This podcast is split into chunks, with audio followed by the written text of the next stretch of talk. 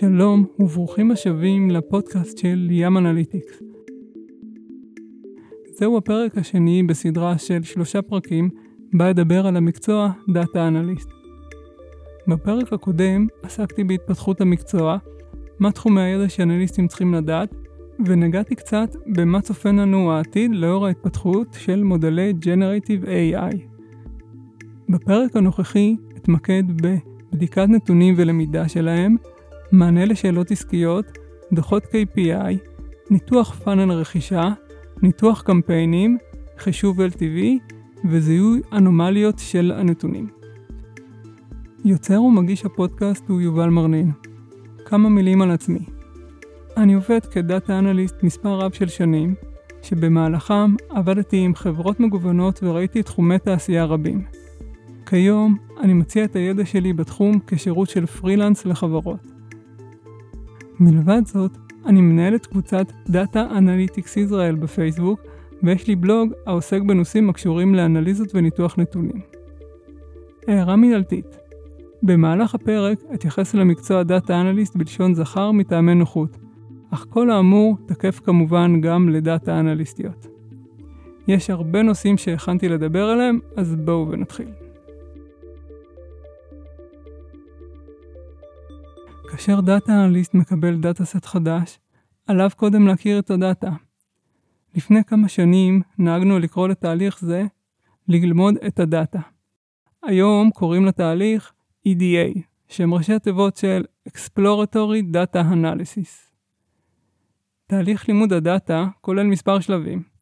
בשלב הראשון עושים בדיקת נתונים חסרים. בבדיקות אלה, אנליסט יבדוק האם יש נתונים חסרים בטבלאות. כלומר, האם יש שדות שבהם אין נתונים, או האם יש שורות שבהם יש חוסרים. בדרך כלל, כשיש חוסרים, הם נגרמים בגלל תהליך ETL שלא עבד כמו שצריך. למשל, אם חודש מסוים חסר, כנראה שהטעינה של הטבלאות בחודש זה לא פעלה בצורה תקינה, ויש לטעון את הטבלאות מחדש.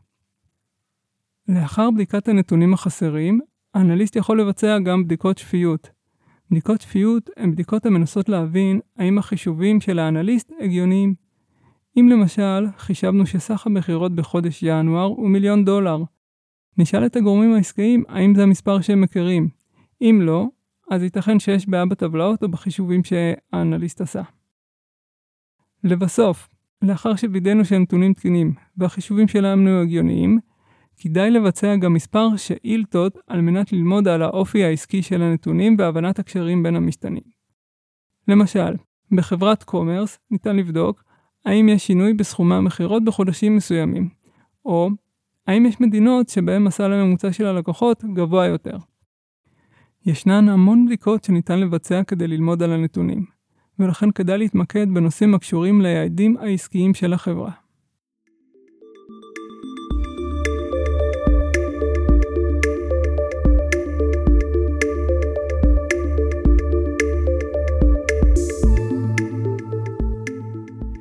לאחר שהאנליסט וידא שהנתונים נכונים והגיוניים, הוא יכול לעבור לשלב הבא והיותר מעניין של מענה לשאלות עסקיות. מענה לשאלות עסקיות זה הלחם והחמאה של המקצוע data analyst, וברוב המקומות שעבדתי איתם, אלו היו המשימות הראשונות שביצעתי. השאלות יכולות להגיע מכל המחלקות של החברה. הן יכולות להגיע ממחלקת ה product, ממחלקת ה marketing, או גם ממחלקת שימור הלקוחות. הנה מספר שאלות המדגימות שאלות שנתקלתי בהן בעבודתי היומיומית. מנהלת המוצר רוצה לדעת כמה משתמשים באמת עושים שימוש בפיצ'ר החדש שהיא פיתחה. מנהל הקמפיינים רוצה לדעת האם הלקוחות החדשים שהוא גייס דרך הקמפיינים אינם נוטשים לאחר השימוש הראשוני.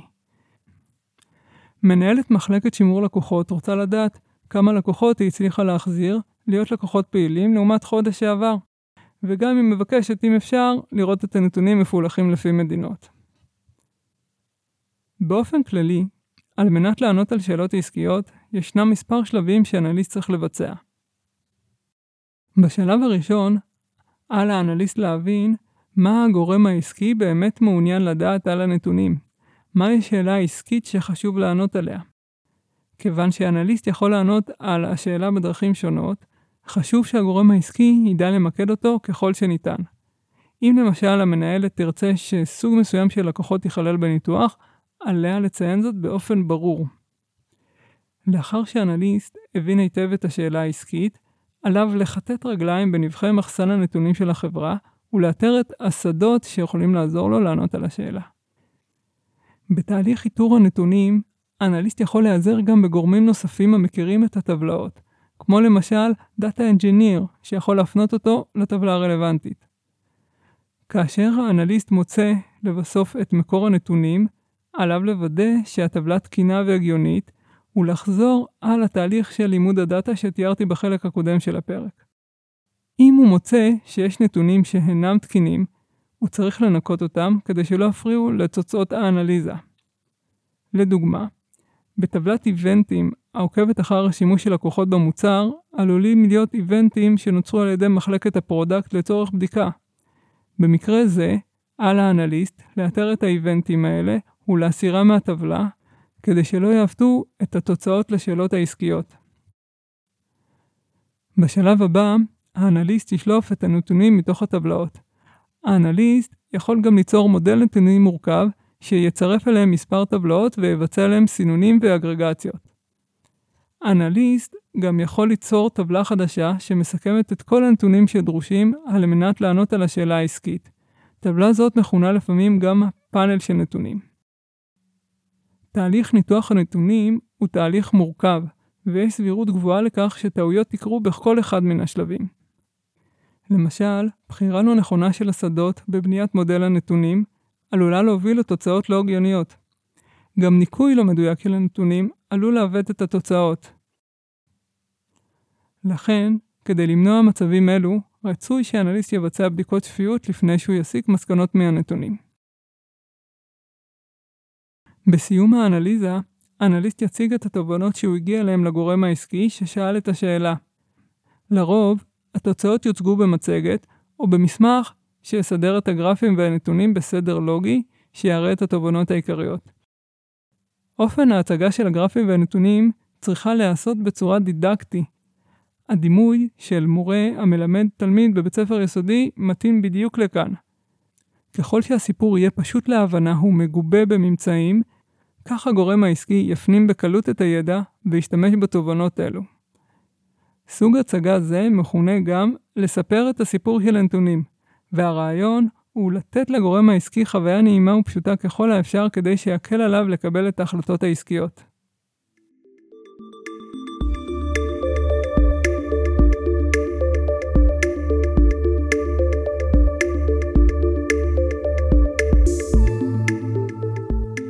משימה חשובה נוספת שהאנליסטים נדרשים אליה היא יצירת דוחות KPI.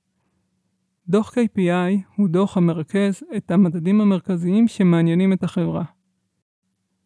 בדוח KPI מוצלח אפשר לראות במבט חטוף האם החברה עומדת ביעדים שהיא הגדירה לעצמה.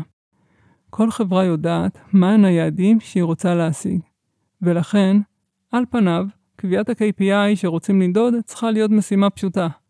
בפועל, כאשר האנליסט מבקש מהמנהלים לפרוט את היעדים למטריקות כמותיות, המשימה הופכת למורכבת, ואף יכולה להניע תהליך של חשיבה אסטרטגית על הכיוון שהחברה הולכת אליו. נניח לרגע שמנהלי החברה קבעו שאחד היעדים החשובים לחברה הוא גיוס לקוחות חדשים, ולכן הם רוצים שזאת המטריקה שתופיע בדוח KPI. מבחינת האנליסט, מידע זה אינו מספיק, כי הוא אינו כולל ההגדרה כמותית של מהו לקוח חדש. האם לקוח שהשתמש במוצר פעם אחת ומיד נטש נחשב ללקוח חדש? האם לקוחות שהשתמשו במוצר יותר מפעמיים נחשבים לקוחות חדשים? כדי לענות על שאלות אלה, האנליסט צריך לגבש ביחד עם המנהלים את ההגדרות המדויקות של המטריקות. דבר נוסף שצריך להחליט עליו הוא המדד הסטטיסטי של ה-KPI. למשל, אם אחד מה-KPIs הוא ההכנסה של הלקוחות, האם האנליסט צריך לחשב את ההכנסה הממוצעת או את ההכנסה החציונית? כל ההחלטות שתיארתי כאן יכולות להשפיע מאוד על ההחלטות העסקיות שהחברה תקבל בהמשך הדרך, ולכן שלב ההגדרות של ה-KPI הוא חשוב מאוד. לאחר שהוגדרו ה-KPI, יש צורך לתכנן מה הוצג בדוח, ואיזה אינפורמציה נוספת נפרט על המדדים. מהתוצאות של מדדי ה-KPI לבדם, קשה להסיק מסקנות, ולכן רצוי להציג את המדדים בקונטקסט מסוים. למשל, מה היה ערך המדד בחודש שעבר או בעונה הקודמת. בנוסף, אפשר לבחור מספר מדדים ולהציג את גרף המגמה של השנה האחרונה. כמו כן, ניתן לפלח את המדדים לפי סגמנטים מעניינים. למשל, בדוח KPI ניתן להציג פילוח של המטריקות לפי סוגי הלקוחות, לפי סניפים או לפי מדינות. כאשר בונים דוח KPI, ישנם אינסוף דרכים להציג את הנתונים, ועל האנליסט לדעת לייצר דוח המאפשר להגיע לתובנות המעניינות ביותר בצורה קלה ובהירה.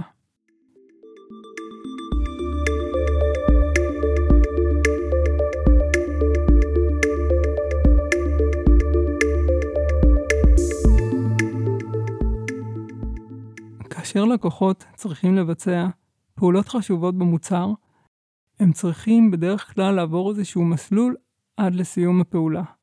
למשל, מסלול של הרשמה לשירות או תהליך רכישת מוצר. מסלולים אלה מכונים פאנל, כיוון שבכל שלב שהלקוחות עוברים, הם יכולים לנטוש את התהליך. אם היינו מציירים את כמות הלקוחות בכל שלב בצורה גרפית, ניתן היה לראות צורה המזכירה משפך, ומכאן השם פאנל. ניקח לדוגמה את פאנל רכישה באתרי e-commerce. בשלב הראשון, הלקוחות בוחרים את המוצרים שהם רוצים לשים בסל, ולאחר מכן הם מאשרים את הרכישה ולוחצים על כפתור עבור לתשלום. בסיום הפאנל הם מגיעים לעמוד הזמנת פרטי אשראי וכתובת משלוח. כאמור, בכל שלב של הפאנל, הלקוחות עלולים לנטוש את התהליך, ולכן המשימה של הדאטה אנליסט היא לנתח כל אחד מהשלבים בפאנל בנפרד ולבחון כיצד מתוך הניתוחים האלה הוא יכול לשפר את הפאנל כך שתהיה פחות נטישה של הלקוחות. אחת הדרכים לביצוע אנליזה כזאת היא על ידי השוואת סגמנטים ופעולות שלקוחות מבצעים. בשיטה זו, האנליסט יכול לבדוק בכל אחד משלבי הפאנל האם יש סגמנטים שמאפיינים את הלקוחות הנוטשים. לצורך הדוגמה, האנליסט יכול לבדוק האם לקוחות עם אייפון פורשים יותר מלקוחות אנדרואיד. במקרה ומתגלה כזה קשר, האנליסט יכול להמליץ למנהל המוצר לבצע אנליזה מעמיקה יותר על משתמשי אייפון, כדי לבדוק האם יש משהו בחוויית השימוש של האפליקציה שגרם להם לנטישה יותר ממשתמשי אנדרואיד. ניתן לנתח סגמנטים נוספים העלולים להשפיע על נטישת הפאנל. למשל, ניתן לבדוק האם יש קמפיינים מסוימים שמביאים לקוחות שנוטשים את הפאנל בשלבים מוקדמים יותר, או האם לקוחות המחזיקים בסוג מסוים של כרטיס אשראי נוטים לנטוש בשלבי הזנת פרטי האשראי. ישנם הרבה בדיקות שניתן לבצע, וכדאי מאוד להעמיק בניתוחים מסוג זה, כיוון ששיפור של הפאנל, גם אם במעט אחוזים, יכול לשפר מאוד את היעדים של המוצר.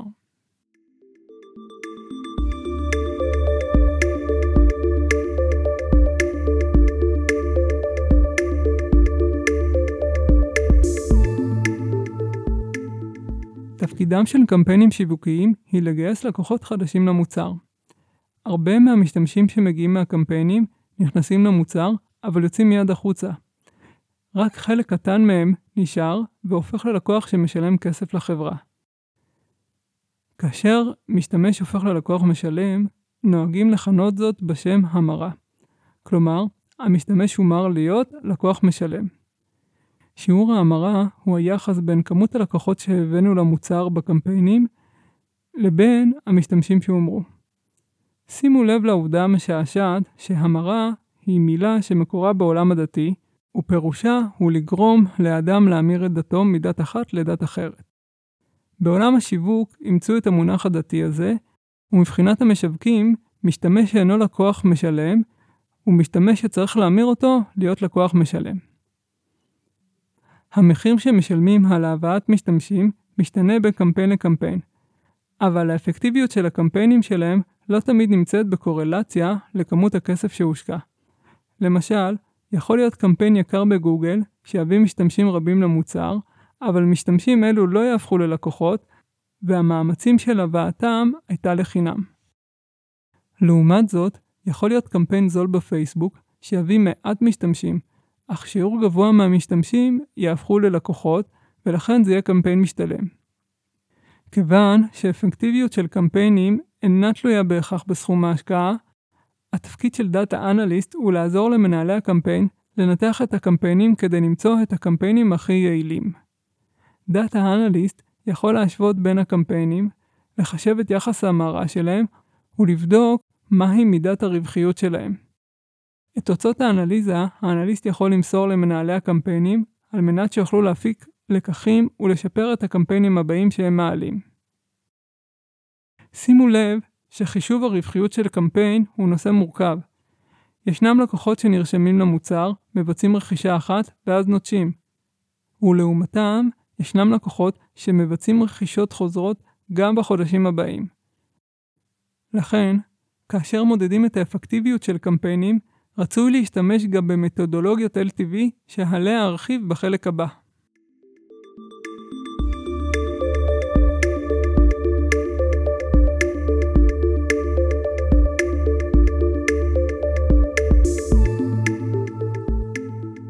מתודולוגיית Lifetime Value, או בקיצור LTV, הינה מתודולוגיה המאפשרת לחברה להעריך את ההכנסות שלקוח ממוצע יכניס לחברה. אמנם, מבחינה מילולית, המונח LTV מתייחס למשך כל חיי הלקוח בחברה. אך בפועל, כאשר מחשבים את ה-LTV ללקוחות, מתייחסים להכנסה מלקוח בשנה או חצי שנה האחרונה. ישנם מספר דרכים לחשב את ה-LTV של לקוחות החברה. אני נוהג להשתמש בשיטת ה-cohorts. בחישוב LTV לפי שיטת ה-cohorts, מחלקים את הלקוחות לקבוצות, כאשר כל קבוצה נקראת cohort. בדרך כלל, הסיווג של הלקוח לקוהורט יהיה לפי חודש הצטרפותו למוצר. כלומר, הלקוחות שהצטרפו למוצר בינואר יהיו בקבוצת הקוהורט הראשונה. הלקוחות שהצטרפו בפברואר יהיו בקבוצת הקוהורט השנייה, וכך הלאה. בשלב הראשון, לכל אחד מהקוהורטים מחשבים את סכום הרכישות הממוצע של הלקוח. בשלב הבא, נחשב את הממוצע של הממוצעים שקיבלנו בשלב הקודם, והתוצאה שנקבל היא תהיה תוצאת החישוב של ה-LTV. את החישוב של ה-LTV ניתן לבצע גם לפי סגמנטים. למשל, ניתן לחשב LTV לפי מדינות המוצא של הלקוחות. אם נמצא מדינות שה-LTV שלהם גדול יותר משאר המדינות, נוכל להמליץ לרכז את מאמצי השיווק במדינות אלה. ניתן גם לבצע חישוב LTV על קמפיינים שיווקיים. כלומר, לחשב את ההכנסה מלקוח ממוצע בקמפיינים שהחברה העלתה. התוצאות של חישוב ה-LTV על הקמפיינים יכול לעזור למנהלי הקמפיינים ליצור קמפיינים רווחיים יותר לחברה ולהשלים את ניתוח הקמפיינים עליו דיברתי בחלק הקודם.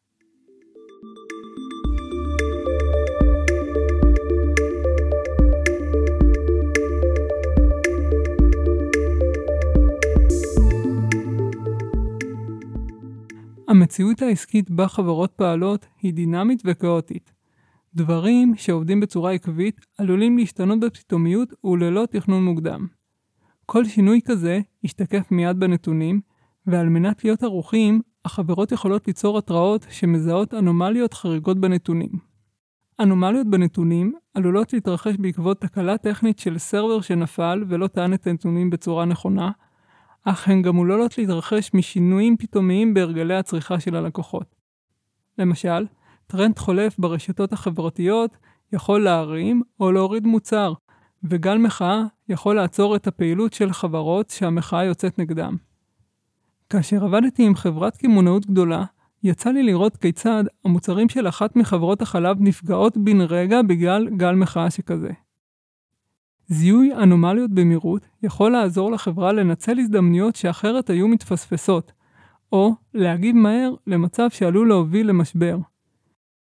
ישנם בשוק מוצרי מדף שיודעים לזהות אנומליות ולהתריע כאשר הן מתרחשות.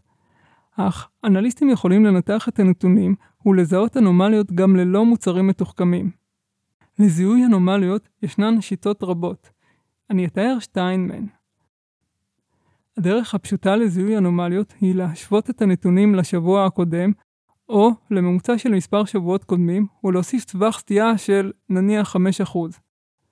שיטה זו היא קלה ופשוטה למימוש, וניתן באמצעותה לזהות אנומליות בולטות.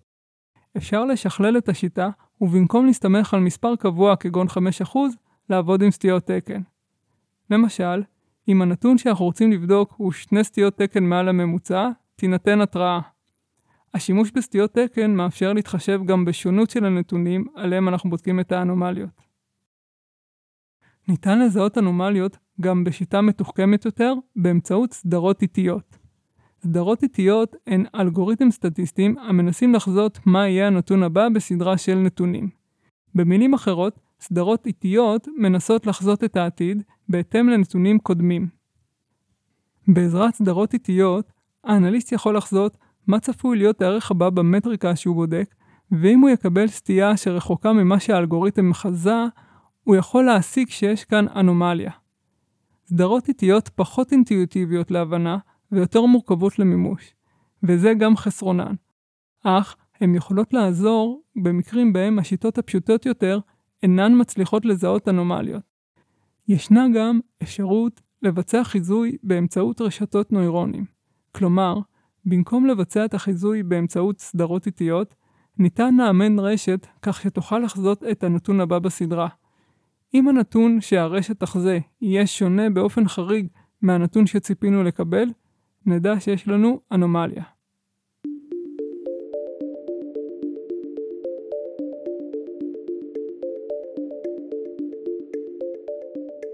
זה היה הפרק השני בסדרה בת שלושה פרקים על מבוא למקצוע data analyst.